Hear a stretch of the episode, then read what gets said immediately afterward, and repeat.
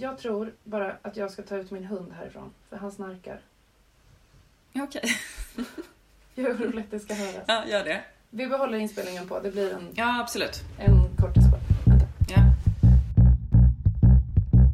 I en nybildad förening, Reformisterna, vill de tre i ett nytt program skapa en ny ekonomisk politik, en starkare socialdemokrati och ett bättre Sverige, skriver de på DN Debatt. Hej och välkomna till veckans avsnitt av Reformistpodden. Hej! Hej, hur mår du Sara? Jag mår fint. Hur mår du? Jo men jag mår bra, Ja. tycker jag. Det är eh, tisdag och väldigt... Det har varit en jävligt vacker vintertisdag. Det är Bagarmossen som jag bor i har förvandlats till Narnia typ hela dagen och det har fått mig på Mm, ja. glatt humör. Både Farsta där jag bor och Kista där jag jobbar har också varit väldigt så här, vinterfint faktiskt. Glad, glad inspelad tisdag för min del. Ja, verkligen. Japp. Du, vi spelade ju in förra, eller vi släppte förra avsnittet på nyårsafton. Mm. Och då snackade vi om att vi skulle spå 2021. Ehm, Mm. Och så hann vi inte riktigt med det. Eh, och innan vi nu går in på det, för det ska vi ta, tid, ta oss tid till eh, det här avsnittet, både du och jag och gäster. Men Ja. innan vi gör det så ska vi kanske säga någonting om det faktum att du och jag inte är proffspoddare och att det lite grann märktes i förra veckan, förra Ja. avsnittets ljudkvalle. Inte riktigt bara förra avsnittet heller om vi ska vara ärliga, utan vi har ju dragits med lite ljud och teknikproblem. Ja, det var rekord förra Eh. avsnittet kan man väl. Ja, men det, det var Så. faktiskt det. Eh, det var, jag trodde inte det fanns såna ljud efter 90-talet, men eh, de finns uppenbarligen. De finns i poddsvängen och det har vi Ja. lärt oss nu. Det har vi lärt oss. Eh, och nej, som sagt, vi är ju inte professionella poddare eller ljudtekniker, utan vi är eh, verkligen något helt annat eh, än det. Eh, men vi lär oss en massa saker hela tiden genom våra misstag. Exakt, vi gör som folk gör liksom väldigt ofta i arbetarrörelsen med sitt politiska engagemang. Man gör det lite ideellt och man gör det lite vid sidan av och när man kommer hem från jobbet. Och du har lärt dig klippa med typ YouTube tutorials och Ja. så är det. Så eh, sorry för, för ljudstrul. Vi eh, lovar verkligen. eh, bot och bättring. Ja, och Vi vi vi ber kan. liksom reservationslöst om ursäkt, även om vi ursäktar oss med att vi inte är proffs. Precis. Ja. Bra, bra Sara. Snyggt. Eh, men nu är det nytt år. Det var det inte senast du och jag sågs och spela in. 2020 Nej, precis. är över. Hur känns det? Eh, skönt och också lite läskigt. Eh, för att det är inte säkert att det blir bättre, men eh, man får ju leva på hoppet. Ja, Hur känns det ska jag säga vad jag, jag tänkte på på nyårsafton? Eller liksom eh, där kring nyårsafton. Att det är som att jag, den här liksom, fan vilket pissår 2020 var och nu får vi äntligen ett nytt år. Så här, det snacket som har gått har ju gjort Mm. att man var så inställd på, det var som att jag kände, nu är det över. Det här med pandemi. Mm. När jag vaknade första januari. Och sen kom man på att det lär ju, så var det inte. Det lär hålla i Nej, sig det är ett tag till. verkligen inte över. Vi är, vi är verkligen fortfarande mitt inne i det, även om eh, alltså att det finns såklart eh, någon slags ljus i tunneln tack vare Mm. vaccineringen så är det ju alldeles för tidigt att ropa hej. Verkligen. Jag kände bara själv Mm. att jag hade gjort mig själv en otjänst. Liksom, genom att lova Mm. mig själv att nu kommer, liksom den ljus, nu kommer ljuset. Som att det liksom skulle Mm. komma så fort vi bytte år. Det gjorde vi inte. Mm, Vi får hålla i lite men till. Man får göra det. eh, Men det är ändå, det är väl ändå något gott i att eh, ändå känna tillförsikt i att det kommer bli bättre. Gud ja. Mm. Så nu ska vi, eh, vi ska liksom spana lite mer om vad vi tror kommer hända det här året. Eh, ju, både vad du och jag ser framför oss. Men så har vi tagit Mm. lite hjälp ju. Precis. Vill du presentera första Ja. gästen? Ja, vi har ju bett tre personer eh, då göra, liksom, titta i sina spåkulor för 2021. Och den första gästen är Viktor Bart Kron som är politisk kommentator på Expressen. I spåkulan för svensk del 2021 så är det ju svårt att se något annat än corona, corona och corona i topp. Eh, I alla fall på kort sikt. Eh, vi kommer att ha ett läge under ett antal månader i alla fall under, under det året som stundar där olika coronarelaterade faktorer är helt dominerande i politiken. Tyvärr, igen. Vaccinationen kommer vara den främsta. Kan man där ta revansch för eh, vissa misslyckanden under 2020 kanske genom att eh, eh, klara sig bättre eller åtminstone lika bra som jämförbara europeiska länder. Det kommer vara en otroligt stor fråga och väldigt farligt såklart om man misslyckas med det. Hur man ska hantera smittspridningen kommer fortsätta vara en fråga. Det kommer vara en fråga på kort sikt när det är väldigt mycket eh, och även sen när det blir lite mindre. Eh, nu har det ju faktiskt varit så att politikerna har korsat gränsen, eh, gått över Rubicon och vågar numera vara hobbyepidemiologer. Ha åsikter om hur man ska begränsa smittspridningen det är ju så att förtroendet för Folkhälsomyndigheten där har ju minskat i politiska kretsar. Regeringen har kört mer själv, oppositionen har börjat eh, komma med mer egna förslag. Det där kommer fortsätta vara väldigt infekterade debatter under, ja, infekterade, roligt för övrigt, eh, under det året som kommer, munskydd eller inte och så vidare och så vidare och så vidare. Vi kommer vara väldigt trötta på det där, men det kommer att fortsätta att dominera och sen skulle jag också vilja lyfta upp lite längre sikt när den akuta fasen har lagt sig ja då kommer ju frågan om när man ska släppa på restriktionerna och bli politik också. Hittills har ju debatten kring corona i princip uteslutande handlat om hur mycket mer man ska göra, hur mycket mer man ska stänga ner, hur mycket eh, hårdare åtgärder man ska ha. Det är därifrån trycket har funnits, både från akademin, ledarsidor och oppositionspartier. Så kommer det inte att fortsätta för evigt, utan det kommer ju komma en punkt där folk är väldigt, väldigt trötta på det här. Smittspridningen går ner, färre dör, fler är vaccinerade och då kommer det istället bli en debatt och förmodligen också konflikt om när ska man återgå till normalitet. Eller någon form av normalitet steg för steg. Så det där kommer ju såklart att vara väldigt, väldigt dominant under första halvåret om inget mirakel inträffar. Yes, tack Viktor. Även om det är eh, föga förvånande såklart. Men det är liksom lite mer corona helt enkelt i, eh, i den eh, politiska pipelinen. Eh, från, från honom. Eh, och vi har ju lite mer på det temat från eh, nästa spanare som ska få, få kolla i sin spåkula. Och det är Irena Pojar som är chefredaktör för Veckorevyn. Och På spåret-deltagare vill jag tillägga. Väldigt aktuellt och viktigt att ha med en På spåret-deltagare i, i spanaravsnittet. Ja, Irena, vad har du i spåkulan? Ja, Jag tror ju eh, tyvärr att det fortfarande kommer vara väldigt eh, coronatungt. Eh, Mm. Både liksom eh, i, i medierna men kanske framförallt för eh, politikerna och då inte minst Socialdemokraterna såklart.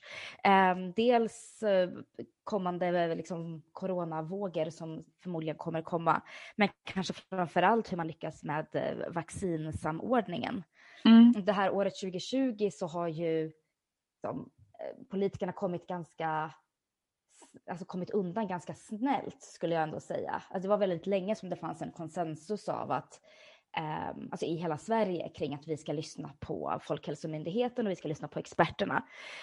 Um, utmaningen som kommer bli nu tror jag är att man i backspegeln liksom önskar kanske, debatten kommer vara präglas av folk som önskar att Socialdemokraterna kanske hade tagit större eget ansvar. Ehm, sen tror jag kanske deras liksom, relation till myndigheter och framförallt kanske Folkhälsomyndigheten kommer att eh, eh, problematiseras och utredas för att se vad som gick bra och vad som gick mindre bra.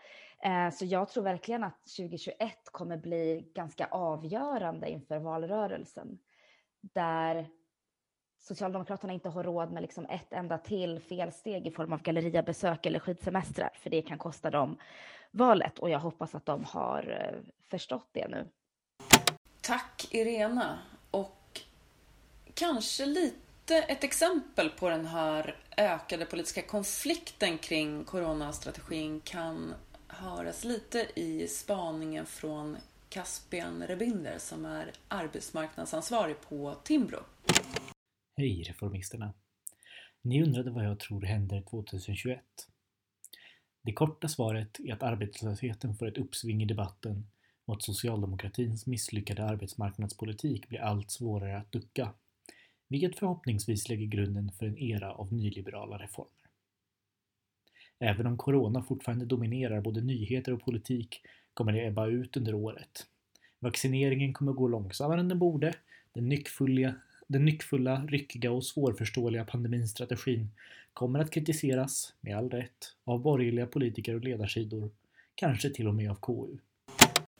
Ja, Caspian eh, är ju, som ni ju hör, kanske inte på våran partilinje.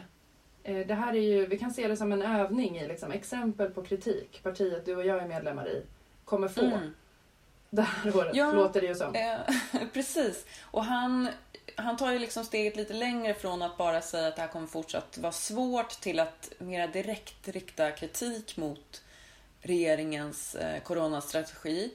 Eh, och jag tänker att det är också intressant att, eh, att notera att han ju också eh, lägger in en sakpolitisk fråga i, liksom som vedträ i den här debatten, nämligen arbetslösheten.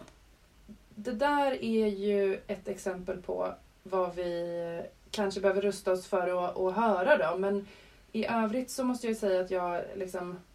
Ja, man får väl bara lov att hålla med om att tyvärr så får vi vara beredda på att den här pandemin präglar, präg, präglar diskussionen eh, mycket. Även i början Mm. av året och även den här eh, Alltså den ökade politiseringen som ju också lär prägla att vi, när det här nu ljusnar och vaccinet är ute och vi får gå ut på gatorna och, och parta igen så kommer det bli en fråga om när får vi gå ut på gatorna och parta igen. Mm. Och att liksom restriktionerna ska släppas som Viktor också nämner i sin spaning. Och det blir ju en liksom ny politisk strid.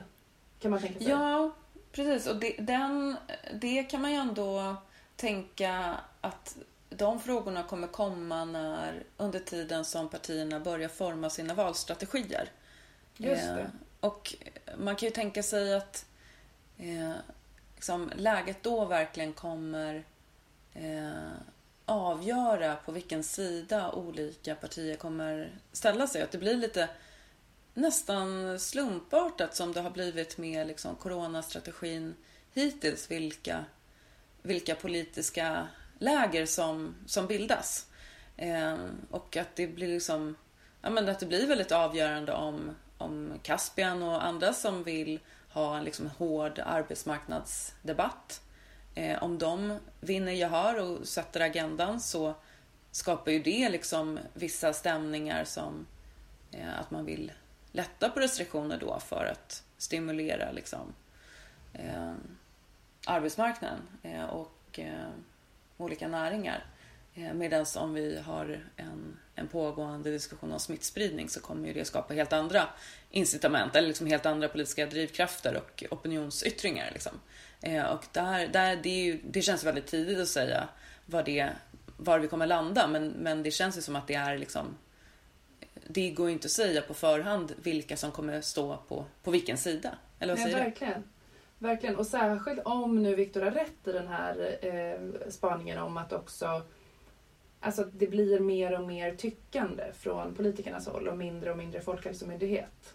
Alltså att man, Mm. det blir liksom mer, man fattar mer och mer eh, opinionsbaserade beslut eller liksom politiskt motiverade beslut snarare än eh, expertmotiverade beslut. Och jag menar, Mm. den, det är ju en härlig cocktail av liksom, om, om den grejen, om man har rätt i det, om det håller i sig, eh, med liksom valstrategi, timing. Eh, ja, det, det blir spännande. Och jag håller med, det är svårt Mm. Verkligen. att, att förutspå vem som kommer tycka vad. Det känns som att det är Mm. mycket så här, vem som tycker först. Ja, Och precis. Så kommer någon annan positionera sig utifrån det. Liksom. Exakt, det, det är som att Mm. oppositionen får liksom positionera sig utifrån regeringen eller vice versa beroende på vem som, Mm. som hinner först. Ja, det blir spännande. Just det, så det, det gäller att vara först om man vill bestämma vad man ska tycka. Tips från oss till er Ja, precis. där ute i regeringens Ja, Ja, fundera på det. Fundera på det. Mm. Diskutera vikupor. Eh, Ja. En annan grej som vi, både du och jag, har tänkt på eh, den här veckan och våra spanare har tänkt på den här veckan är ju USA. Ja, det är svårt att undgå liksom. För alltså man, det känns som att man har tänkt på USA rätt länge nu och jag hade liksom, jag har haft perioder av att ha Washington-tid på min iPhone inställd för att jag liksom, Mm. CNN eh, synkade mig så mycket Mm. i, i, val, i valbevakningstider. Den tiden är över men nu förra veckan eh, så har ju Kapitolium stormats. Ja. Eh, och Trump har först härjat ovanligt extra mycket på Twitter och sen blivit blockad från Twitter och mycket har hänt. Mm. Och om detta eh, har ju våra inbjudna spanare också spanat.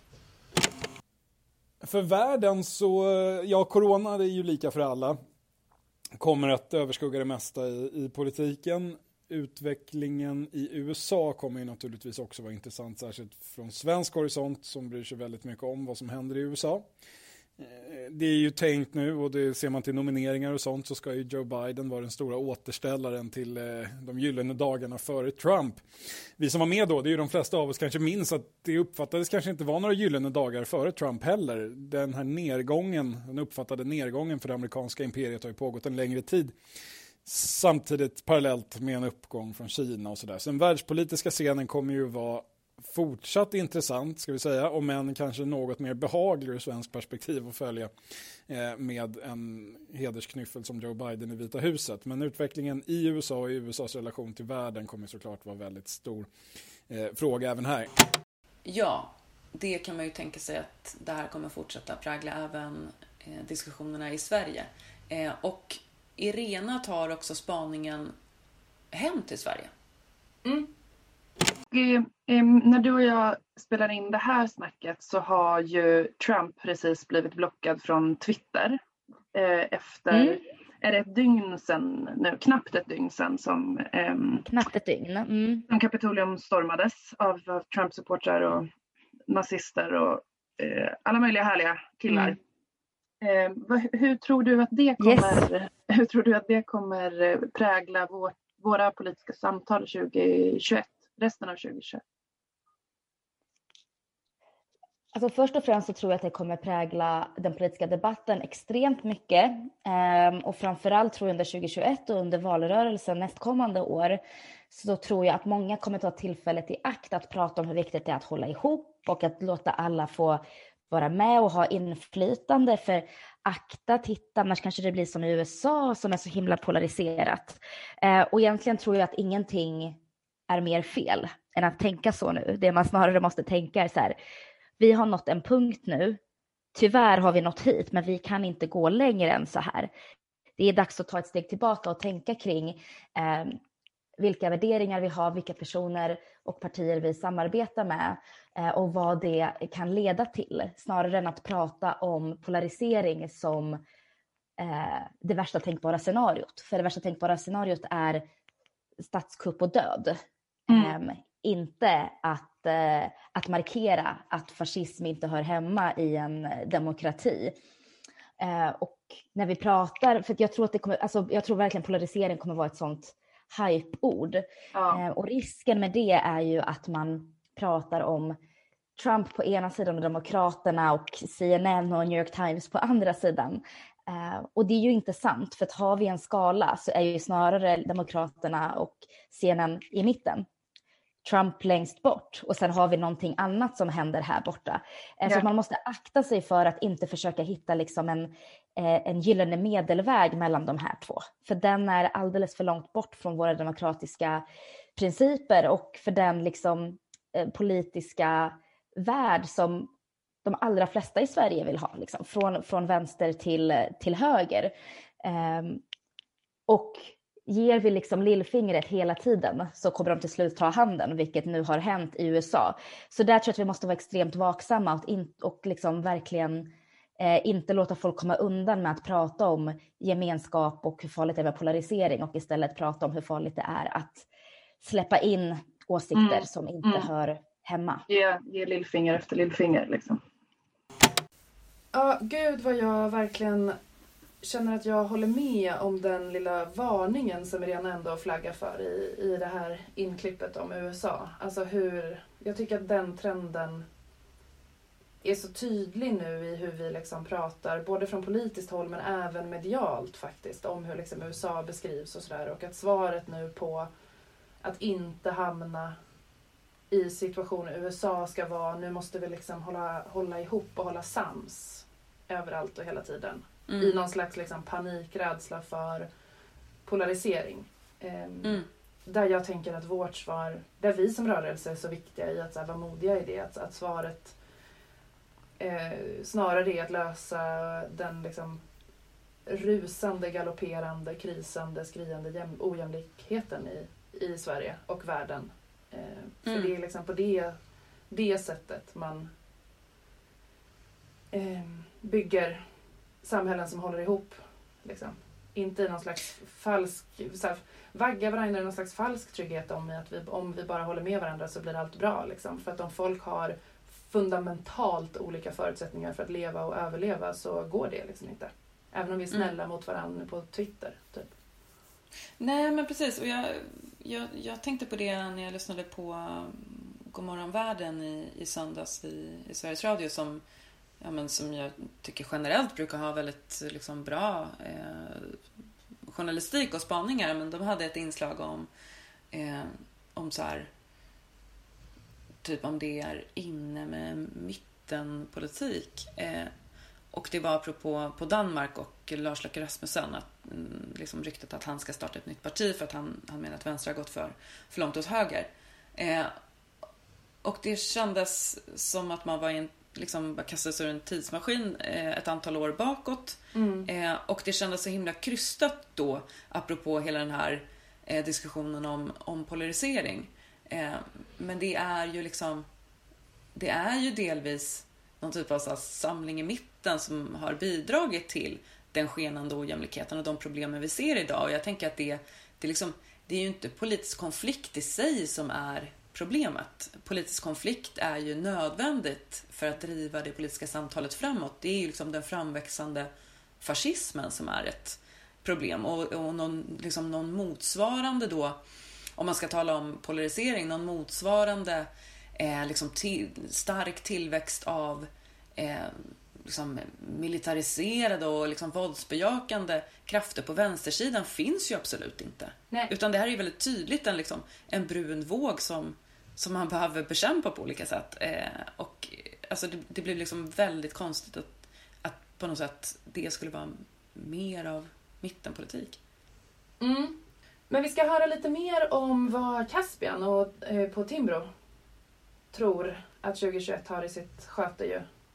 Ja, Det blir, eh, eh, det blir mer eh, spaningar om arbetslöshet och arbetsmarknadspolitik. Kör vi in Caspian. Innan Stefan Löfven blev statsminister lovade han att Sverige skulle ha EUs lägsta arbetslöshet år 2020. Då låg Sverige på en elfte plats i EU. Tio länder hade lägre arbetslöshet, men 17 hade högre. Sedan Löfven tillträdde i oktober 2014, fram till precis innan coronakrisen bröt ut, så har arbetslösheten i EU gått från 10 till 6,5 procent. 27 av 28 länder sänkte sin arbetslöshet. Det enda undantaget i Sverige. Nu ligger Sverige inte på någon elfte plats, inte ens topp 20, utan skvalpar bland de sämsta 5-6 länderna i arbetslöshetsligan. Socialdemokraterna lovade att sätta jobben först och det löftet är brutet. Det kan man blunda för under en fin konjunktur, men när den vänder går det inte längre. SCBs sista säsongsrensade arbetslöshet för 2020 var nästan 10 procent. Bland ungdomar föll sysselsättningen med 7 procentenheter jämfört med året innan. Och mycket döljs ändå av permitteringar. Den genomsnittligt arbetade tiden per vecka för en enskild svensk i arbetsför ålder låg under andra kvartalet 2020 på 21,3 timmar. Det är det lägsta någonsin. Lägre än under finanskrisen 2008-2009. Lägre än när det var som värst under 90-talskrisen. Nu är det förstås inte regeringens fel att vi har en global pandemi. Men under åren som gått under Löfvens ledning har Sverige halkat efter. Istället för skattesänkningar har vi fått skattehöjningar. Istället för lägre kostnader för att anställa har regelbördan ökat ytterligare. Istället för politik som faktiskt sänker jämviktsarbetslösheten har Sverige fått en bidragslinje och fortsatt gå åt fel håll. Det priset får vi betala nu. Det här kommer få stora långsiktiga konsekvenser. Delar av problemen kommer nog både Timbro och reformisterna kunna enas om. När arbetslösheten skjuter i höjden kommer den sociala rörligheten minska. Fattigdomen växa.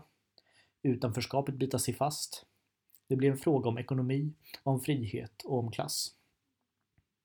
Tyvärr kommer ni vänsterifrån föreslå lösningar som förstärker grundproblemet, fortsätter elda på arbetslösheten och utanförskapet, fortsätter hålla människor från att försörja sig själva. Medan vi från mer nyliberalt håll har politik som faktiskt fungerar, får igång tillväxten, ökar sysselsättningen och hjälper jämlikheten. Här tror jag att en stor och viktig strid kommer stå under året 2021. Jag måste säga att jag tycker att det känns eh, lite svårt att i det här sammanhanget ta rollen som försvarare av eh, liksom regeringens eller ens liksom socialdemokratins officiella positioner vad gäller ekonomisk politik. För det har ju en väldigt liksom, tätt samband med eh, arbetslöshetens utveckling. Alltså jag har ändå varit med och startat en, en S-förening som vill eh, kraftigt reformera hela den ekonomiska politiken, och grunderna för eh, hur man bekämpar arbetslöshet. Eh, så den rollen tänker jag nog inte ta. Däremot så, eh, jag håller ju såklart med om att eh, även om det är liksom läget nu är väldigt mycket orsakat av pandemin så finns det underliggande problem med arbetslösheten. Men eh, då eh, chockerande nog eh, så tror jag ju inte att det är eh, nyliberala reformer som, eh, som liksom kommer lösa eh, de, de stora problem vi har med, med liksom, eh, en väldigt långvarig arbetslöshet eh, som har bitit sig fast över decennier. Det, var ingen det har ju också provats. Det har provats. Det är ingen jätteskräll. Det var ingen jätteskräll att du kände så. Eh, och det är ju ingen jätteskräll att en, alltså att, att Timbro eller att Caspian som jobbar på Timbro tycker att det är lösningen. Där skiljer vi oss fundamentalt åt. Men det är ju som du säger, de, den ekonomiska politiken eller den linjen som, som Caspian delvis kritiserar här hänger ju A tätt ihop med arbetslösheten men också B tätt ihop med varför vi sitter här och är medlemmar i mm. en, en ny förening, som du säger, som, mm. som vill någonting annat men som till skillnad från, från Caspian eh, inte vill eh, eh, sänka alla skatter mer utan tvärtom offensivt investera i eh, bland annat jobbskapande satsningar. Ja, men precis. Och man kan väl också tänka sig, nu sa inte Caspian någonting om det utan han, han ställde liksom skattesänkningar mot uh, skattehöjningar men man kan ju också eh, tänka sig att, eh, att han och Timbro företräder också andra typer av reformer då för arbetsmarknaden, alltså som eh, olika sätt att införa eh, låglönejobb eh, som ju då, eh, jag vet inte riktigt vad det, vad det skulle vara men eh, ibland så exemplifierar man ju med att så här, packa ens påsar på, eh, på affären och sådär. Eh, och där eh, tänker jag att vi står helt och hållet liksom, sida vid sida med, med övriga partikamrater i att det är liksom inte ett samhälle som vi vill se växa fram. Det är inte rimligt Alltså varken, det är, det är inte rationellt, eh, det är inte rimligt ur jämlikhetssynpunkt eh, och det är, liksom, det, det, är ingen som är beredd att betala för, för det. Nej, och, har, och hur, liksom... hur bra känns det i magen tänker jag när vi lämnar liksom en... Alltså förhoppningsvis tänker jag också att det vi kan lära oss av den här pandemin och de politiska växlar vi kan dra i som, som arbetarrörelse efter den här pandemin är ju eh, hur fundamental liksom, anställningstryggheten och så att drägliga villkor på jobbet är och hur, mycket, hur stor roll det spelar när liksom, the shit hits the fan och mm. covid-19 slår till. Och är det mm. någonting vi absolut inte ska göra eller liksom gå med på eh, nu så är det ju ytterligare liksom, avreglering av, av det. Eller så här, införa sämre anställningar, sämre, lägre mm. löner. Så här. Det det känns ju inte som den slutsatsen, eller det är inte den slutsatsen jag drar eh, överhuvudtaget. Eh, så nej, vi får väl se. Eh, Caspian spår nyliberalismens år 2021. Det gör Ja. inte eh, du och jag. Nej, men jag tycker ändå att man får, eh, man får ändå lyfta på hatten för liksom nyliberalismens sista fanbärare.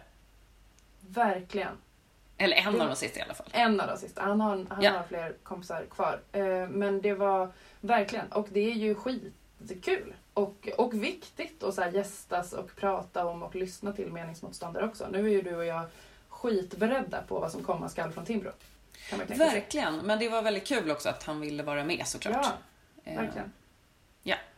Eh, och nu ska vi eh, lägga corona bakom oss, jag på säga. Det ska vi väl inte riktigt än om vi ska tro spanarna. Men i alla fall i det här avsnittet nu då. För att vi har, eh, tack och lov, eh, så, så tror både vi och spanarna att eh, det är annat som väntar också under det här året. Och Irena har, när hon har kollat i sin 2021 spåkula, eh, en helt ny fråga som hon tror och hoppas seglar upp på dagordningen.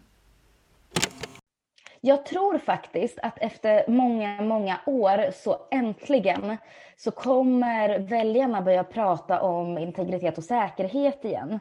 Alltså vi har som, som, liksom, eh, som befolkning varit ganska slappa med liksom, att här, tillåta, eller inte ha åsikter om övervakning och sådana saker. Och tänkt att har man rent mjöl i påsen så ska man inte oroa sig. Eh, och nu under corona så ser vi till exempel att rätta mig om jag har fel, men jag tror att det var i Sydkorea så Ja. spårade man ju med mobiler ehm, hur, vilka som har varit smittade och man lovade att det här bara skulle användas för den spårningen. Och nu har allt det materialet lämnat över till polisen så att polisen ska kunna utreda brott. Eh, och den typen av grejer sker hela tiden och det skulle potentiellt kunna ske i Sverige också. Jag tror att vi är ganska liksom blåögda och godtrogna där. Och jag tror nu när vi alla jobbar mycket mer digitalt, vi jobbar hemma, det är, det är liksom viktigare än någonsin med säkerhet, både för en själv privat men också på arbetsplatserna. Eh, och där tror jag att det ligger många politiska förslag på bordet eh, som gemene man kanske inte skulle uppskatta om man faktiskt satte sig in i det. Så jag hoppas på liksom eh, en liten backlash för, eh, för övervakningssamhället. För det tror jag att vi skulle må bra av att tänka lite mer kring. Okej, Sara, vad tror du? Dataskydd och integritet och är vi bortskämda? Vad, vad tror du? Håller du med Irena? Ja, alltså jag håller med. Jag tror att den här frågan kommer återkomma. Eh, jag är inte helt säker på att det kommer ske i år. Jag tycker att det är väldigt svårt att förutse. Men jag håller verkligen med om att det kommer komma tillbaka. Men jag tror också, om jag får lägga till något, att när den återkommer eh, så kommer vi inte bara eh, diskutera eh, liksom staternas roll i övervakningen av våra liv utan också den makten som de stora liksom, multinationella företagen har eh, som sitter på otroligt mycket information eh, och liksom har kartlagt hela våra liv och vad det eh, innebär. Liksom. Verkligen. Det är ju också en helt ny... Alltså vad jag förstår också väldigt juridiskt outforskat. Liksom, hur det ska regleras, alltså vem som får äga vems data och hur länge och liksom...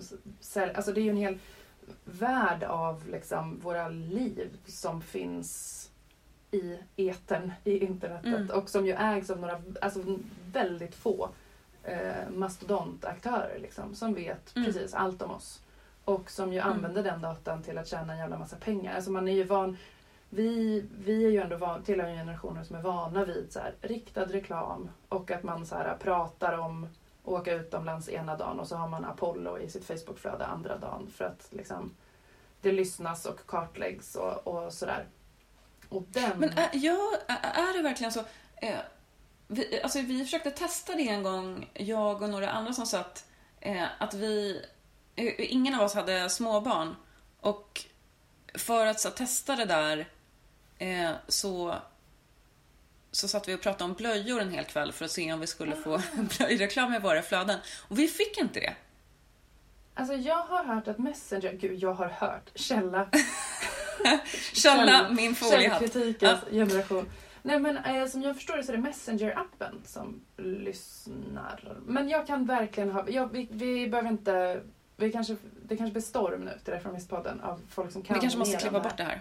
Ja, kanske. Men, men Kanske. eh, Eller, eller bara konstatera att vi vet inte exakt om det vi lyssnar. vet inte. För att när vi vet att de tar reda på så jävla mycket om oss. De vet skitmycket Eventuellt om oss. lyssnar de också. Eventuellt lyssnar de.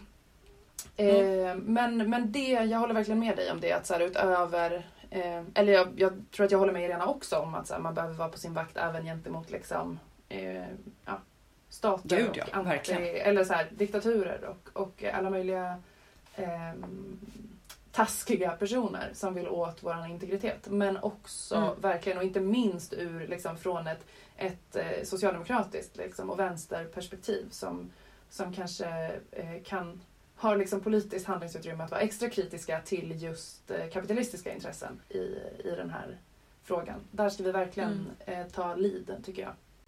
Men du, det hände ju en eh, riktigt stor grej för Ja. vårt parti och vår förening det här året. Och innan vi lämnar Viktor och eh, Irena och Caspian som spanargäster helt och hållet så tänkte vi att Viktor Bartkron ska få på den grejen lite grann. För att han tar ju upp det i sin 2021-spaning. Varsågod Viktor.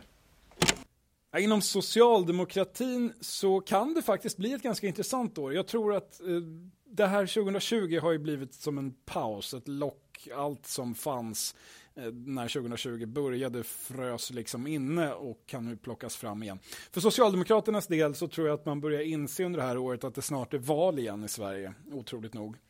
Eh, och att socialdemokratin faktiskt måste bestämma sig för vad man vill att det valet ska handla om. Det är en svårare fråga än det kanske låter som. Det handlar inte bara om mm, enskilda sakfrågor. Alltså, som jag ser det så har socialdemokratin två alternativ inför, eh, inför nästa val och den överskådliga framtiden. Antingen så söker man ju på allvar efter politiska projekt eh, och frågor där man verkligen kan hitta gemensam grund och genomföra dem ihop med liberala partier.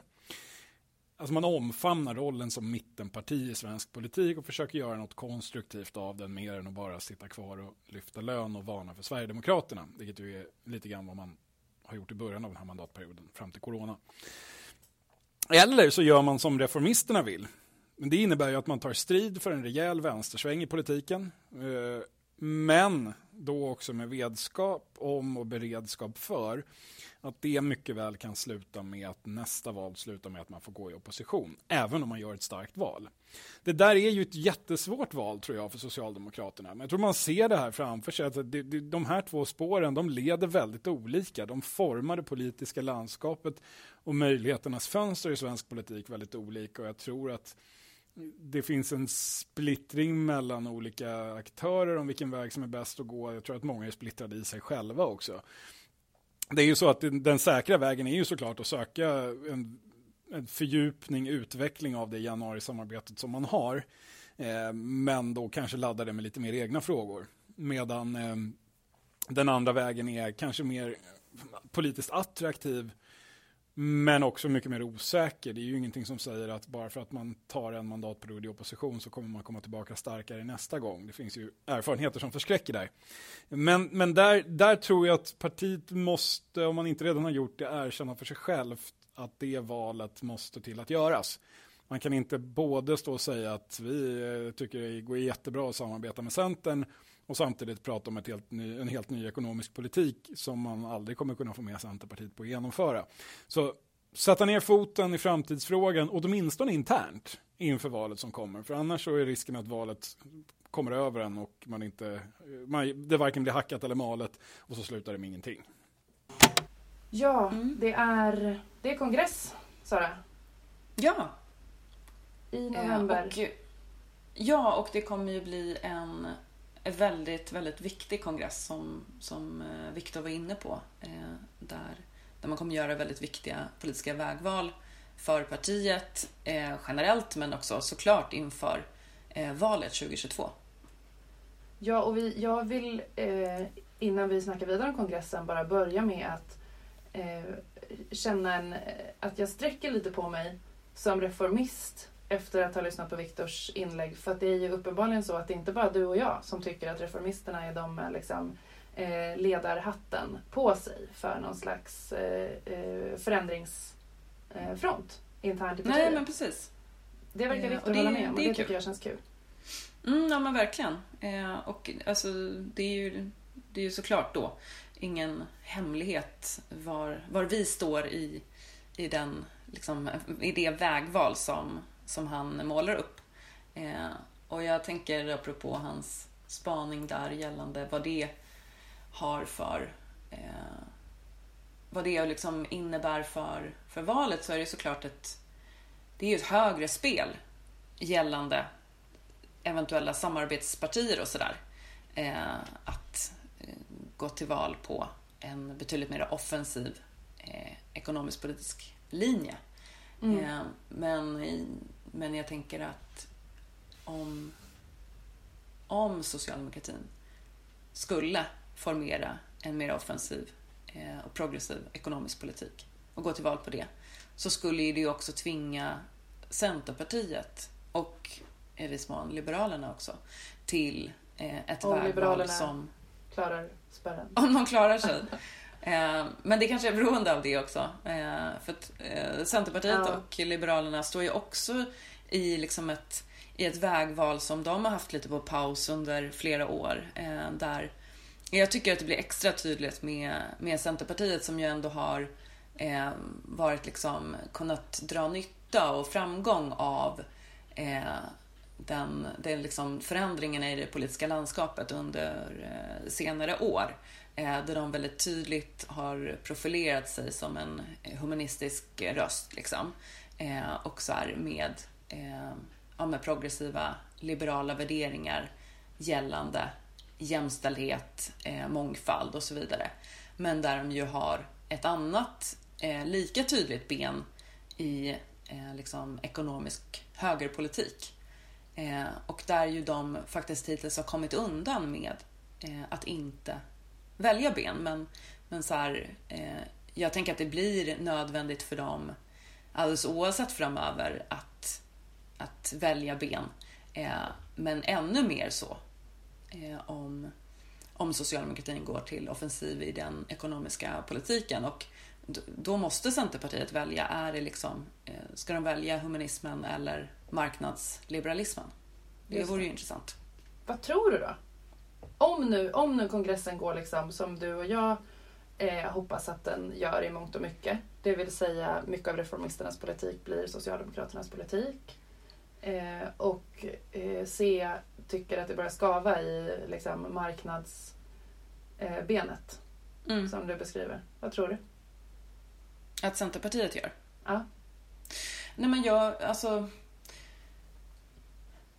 Det är ju svårt att säga. Jag känner liksom inte det partiet eh, så väl att jag kan säga så här tänker de. Eh, och de är såklart också ett, ett gäng olika personer så att det, det beror på vem man frågar. Eh, men man kan ju liksom bara utgå ifrån sig själv och jag har ändå svårt att se att om man så tydligt har tagit ställning för humanistiska värderingar så blir de en så viktig vattendelare att det liksom att det inte går att dagtinga med sitt samvete om man ska prata med en tidigare centerpartistisk ledare. Eh, Men jag kan ha fel. Mm. Det, ja, det kanske går att Ja, vi får se. Vi får se. Vi får se. Eh, men kongress ska vi åka på eh, Ja. i november. Hoppas vi väl, nu, nu blir det väl det. Det skulle ju ha varit i vår, men det är uppskjutet. Precis. Och vi tänker att många av er som lyssnar, kanske precis som jag, inte har varit på en kongress, partikongress innan. Eh, Mm. Och undrar, vad kommer hända där? Så vi ringde upp en kongressräv. Ja, precis. Kongressräven Maj-Britt Theorin.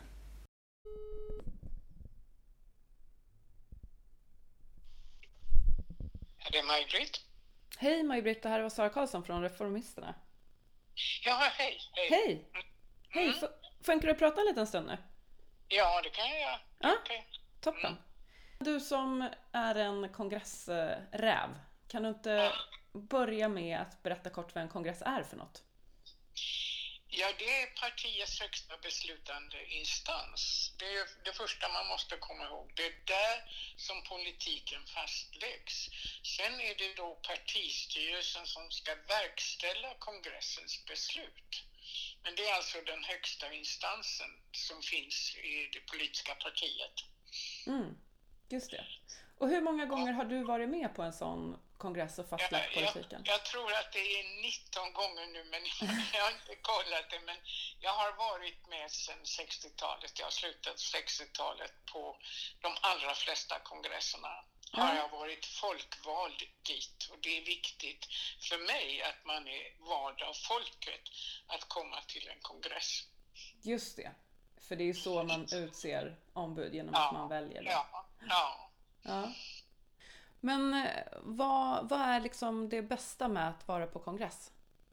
Ja, det är samarbete. För att en, en kongress kan fungera antingen lojalt och följsamt till allt vad partistyrelsen föreslår. Eller så kan den säga ifrån, här går gränsen, den här förändringen vill vi ha. Och det viktigaste med en partikongress, det är att man kan samarbeta med andra partidistrikt. Och man måste göra det för att kunna få igenom sina förslag. Det gäller alltså inte bara att komma dit och tro att man ensam förändrar en kongress. Nej, det gör man inte. Man måste ha ett samarbete och, man, och, och gärna i god förväg innan så man vet hur man ska agera.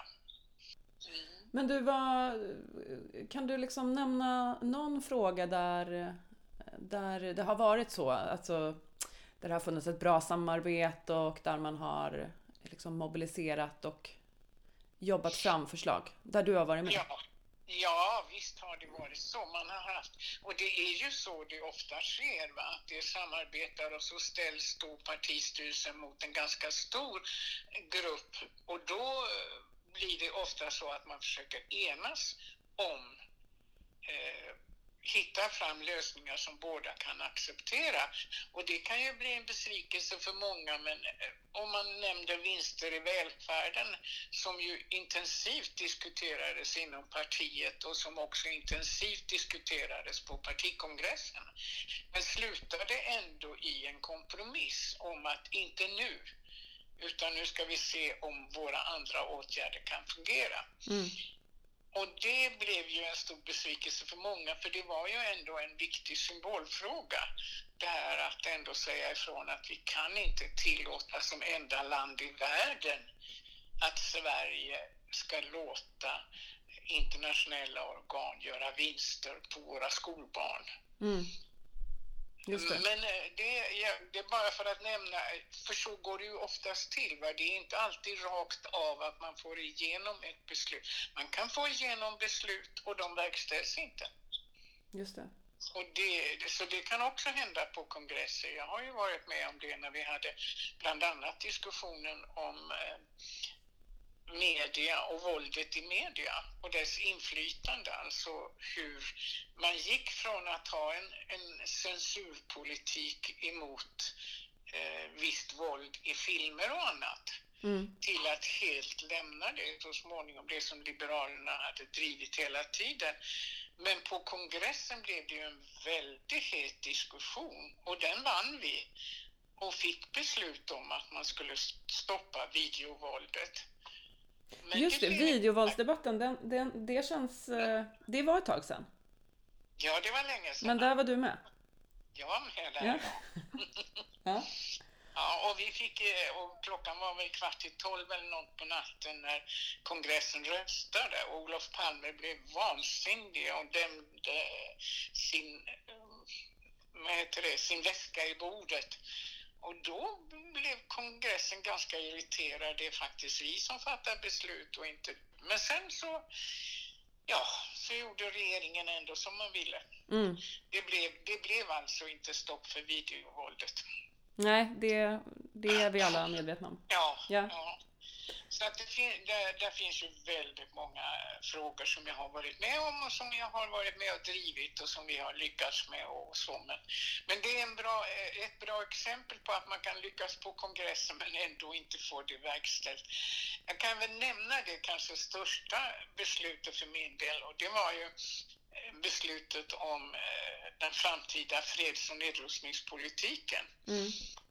Och eh, jag hade då haft flera kongresser med framgång men jag hade också haft ett stort motstånd ifrån, ja, vad ska man säga, om jag säger det citat, ombudsmännen i partiet som inte gillade detta. Och så hade vi, ja, och jag hade blivit väldigt illa åtgången den tidigare kongressen därför att jag fick alltså angrepp på mig personligen, inte på min politik utan på mig personligen och det kan man inte försvara sig emot. Det måste andra försvara emot. Så jag var väldigt tveksam till om jag överhuvudtaget skulle åka på kongressen. Men så blev jag förbannad när jag läste protokollet och så mm. höll jag mitt tal på kongressen. Och det var liksom ingen tvekan om att jag hade kongressen i min hand.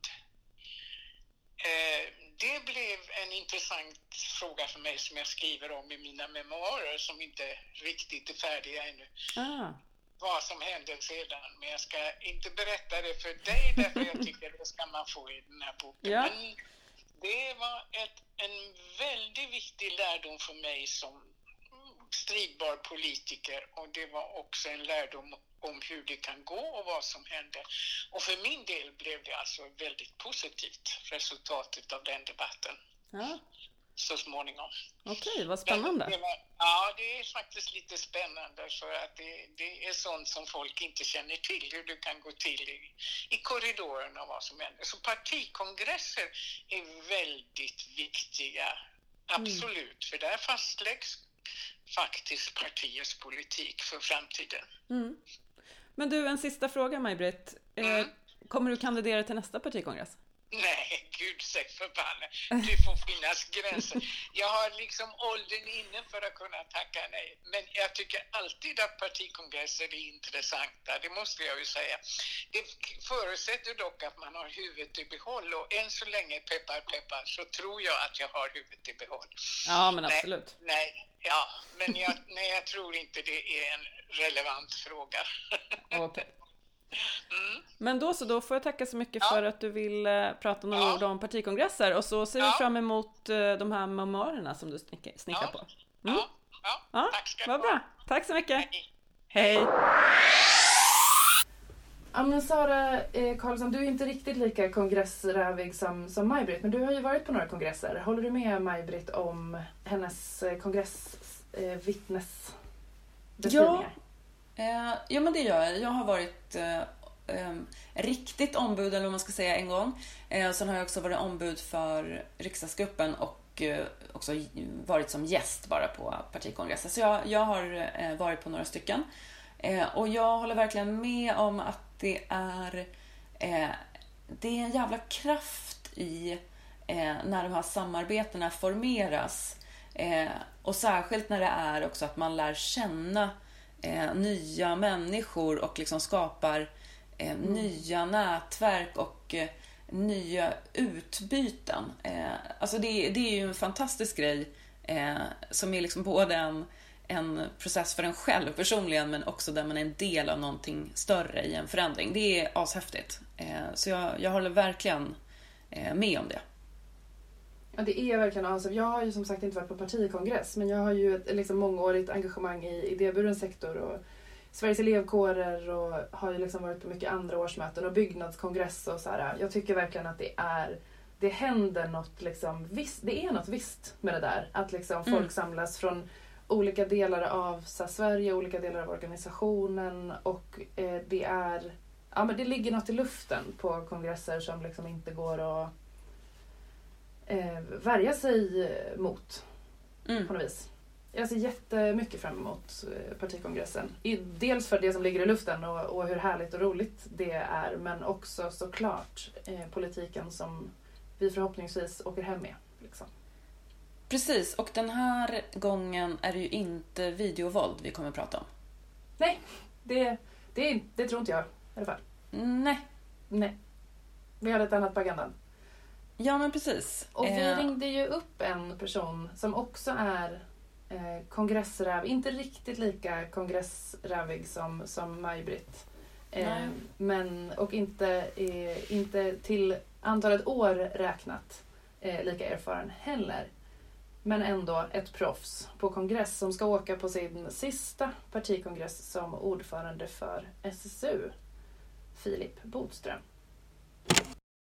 Ja, men jag tror att det finns eh, ett väldigt stort sug och ett väldigt stort tryck och förväntan att eh, den här partikongressen ska tydliggöra vad socialdemokratin är och vill bortom 73-punktsprogram och kompromisser.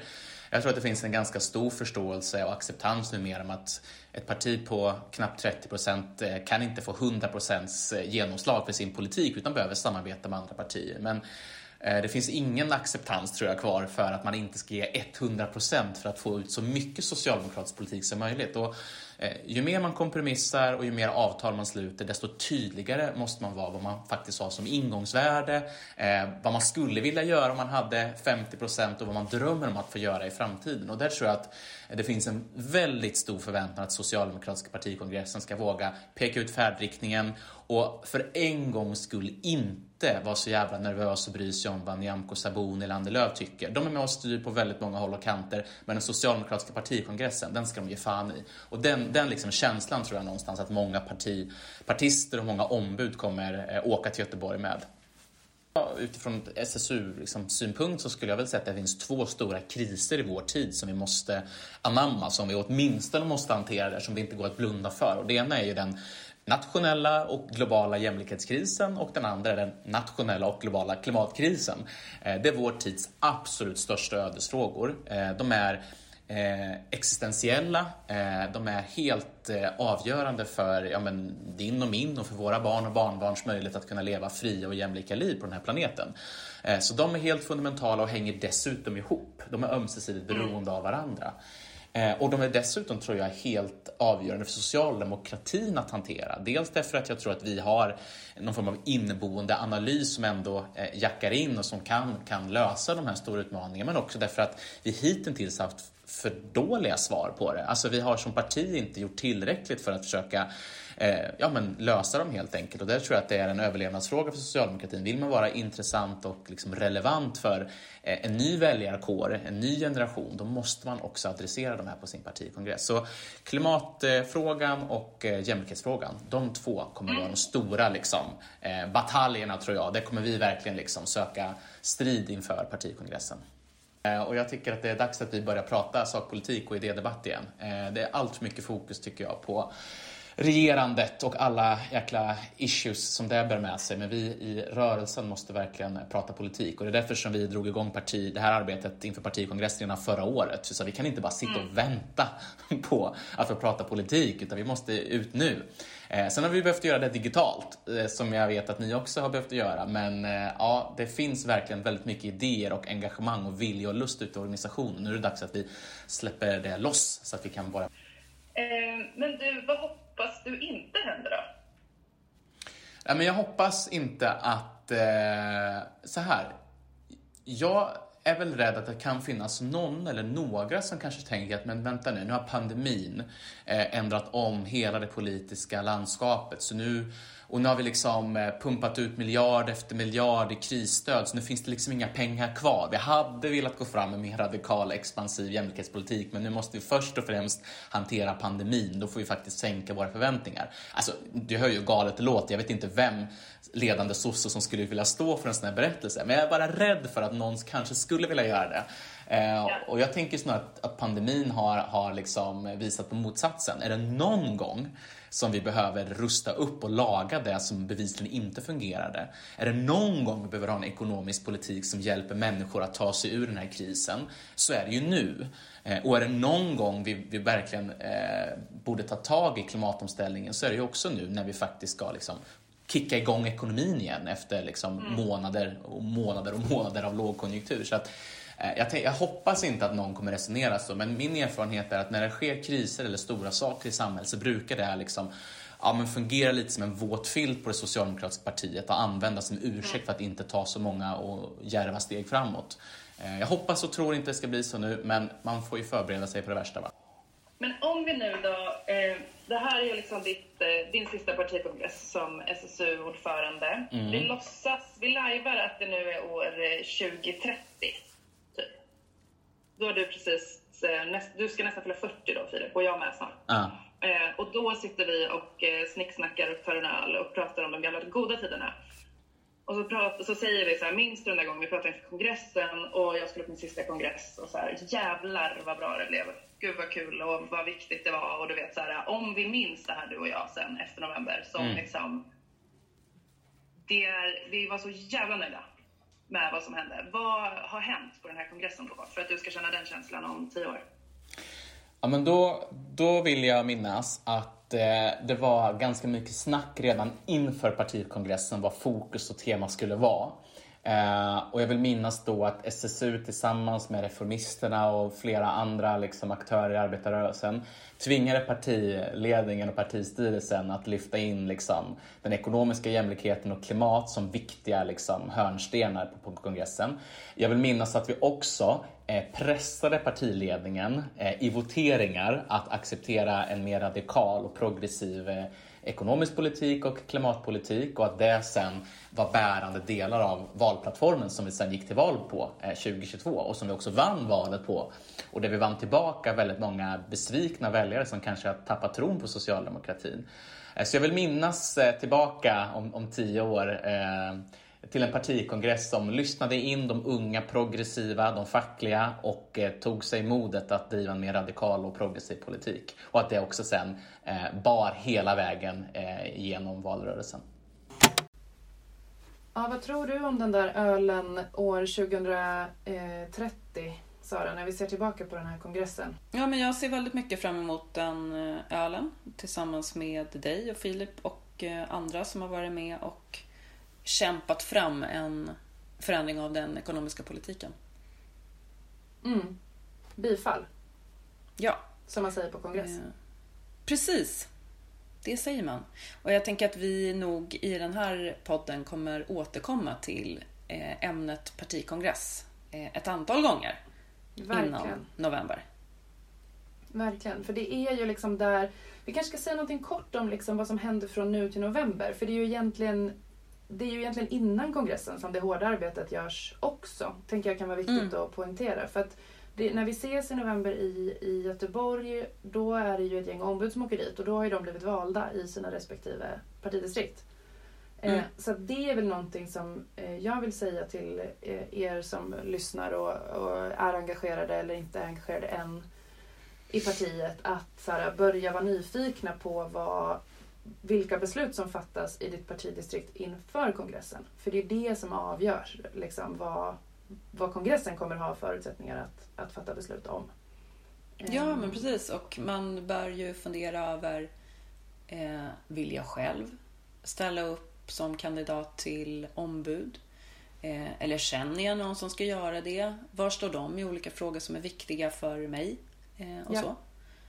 Eh, så det finns ju en massa eh, liksom förberedelser som ska göras inför kongressen och det är ju viktigt att, eh, att man pratar om det i det sammanhang där man är engagerad. Exakt. vilka beslut som ska tas och ja, men hur man ställer sig. Och vi kan väl också eh, passa på att påminna om att man till oss kan skicka in frågor, både som rör partikongressen Eh, men också frågor i övrigt eller tips på vad man skulle vilja höra mer om här i podden. Ja, och det gör man på reformistpodden gmail.com.